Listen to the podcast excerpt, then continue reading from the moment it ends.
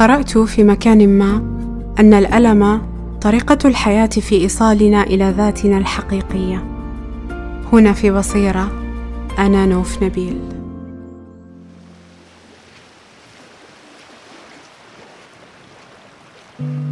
حجر ثقيل على قلبي أثقل مما يمكنني احتماله أحيانا يمتد ليغطي أكتافي كأنني أحمل العالم وفي أحيان أشعر به حول حنجرتي.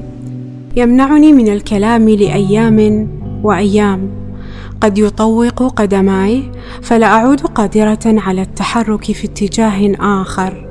هكذا أشعر بالألم وعلى اختلاف مسبباته إلا أنه هو هو. وفي كل مرة يجتاحني أفكر في فكرة واحدة تضيئني بالكامل. ماذا يجب أن أفعل الآن لأتخلص من كل ذلك؟ وأجدني أجمع الاحتمالات وأبني في معملا للتجارب. علي أجد حلا. وهكذا بت أعرف أن آلام المرء هي طريقة الحياة في شحذه. حسنا لا احاول تجميل الشعور بالآلام.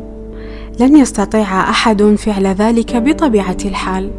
ولكن حلم تعتريني نوبة مثل تلك وبعد أن تأخذ مني ما تأخذ وتهدأ العاصفة في صدري. أشعر بالحاجة الملحة لتغيير شيء ما. مكاني في الحكاية مواقفي أفكاري طريقة جلوسي ربما. لابد أن أغير شيئا. لا أحد يتصيد المعاناة. لا أحد يتبع خيوطها ويقول خذني إلى ألمي أريد أن أصنع نفسي. بل أن الإنسان طوال فترة تجربته البشرية يحاول الهروب من كل ذلك إلى وهم لذيذ من المشاعر المريحة التي لا تسبب تصادما مع الذات. سعادة غامرة اطمئنان وفرة.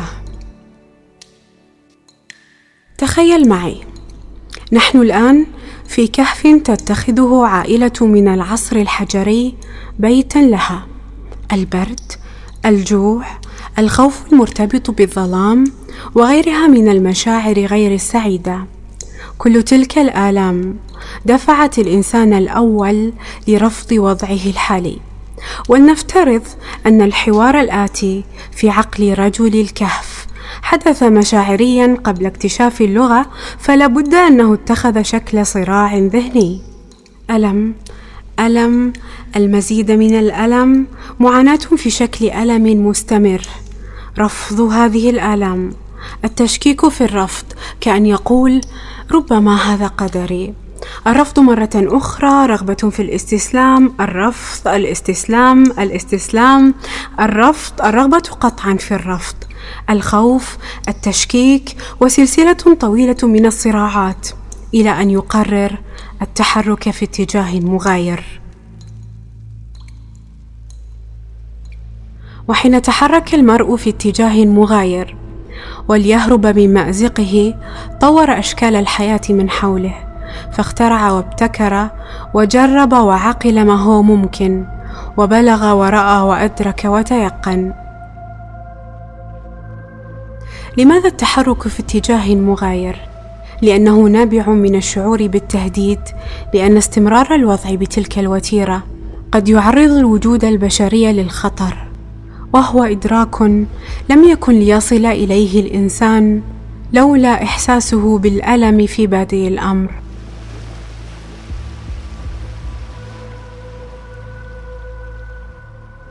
أنا مثلك. أهرب من ألمي في غالب الوقت وأتمنى الا يواجه أحدنا الآخر لكنه يتصيدني كشبكة قدرية لا سبيل للعبور إلى المرحلة التالية إلا من خلالها. وأحب رؤية ما سيأتي عبر نافذة ألمي لأصوب وأقوم وأتعظ وربما أكرر السقوط بداخله مرة أخرى.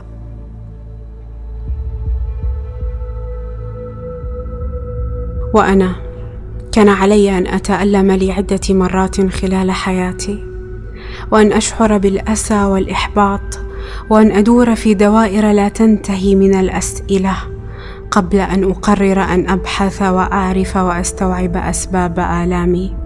أردت أن يطمئن عقلي أن يجد الإجابات أما روحي فقد كانت تهدأ تباعا.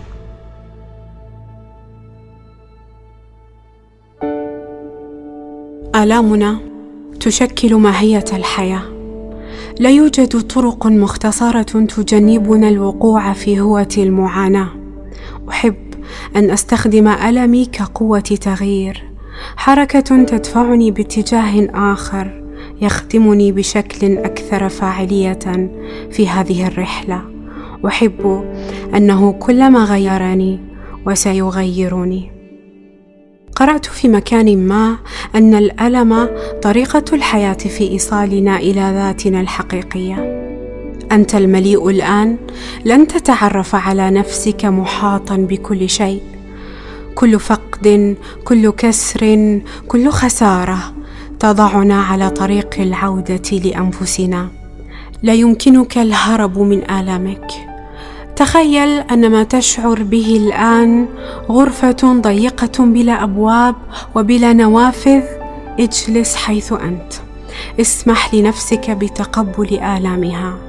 اسمح لنفسك بأن تتغير.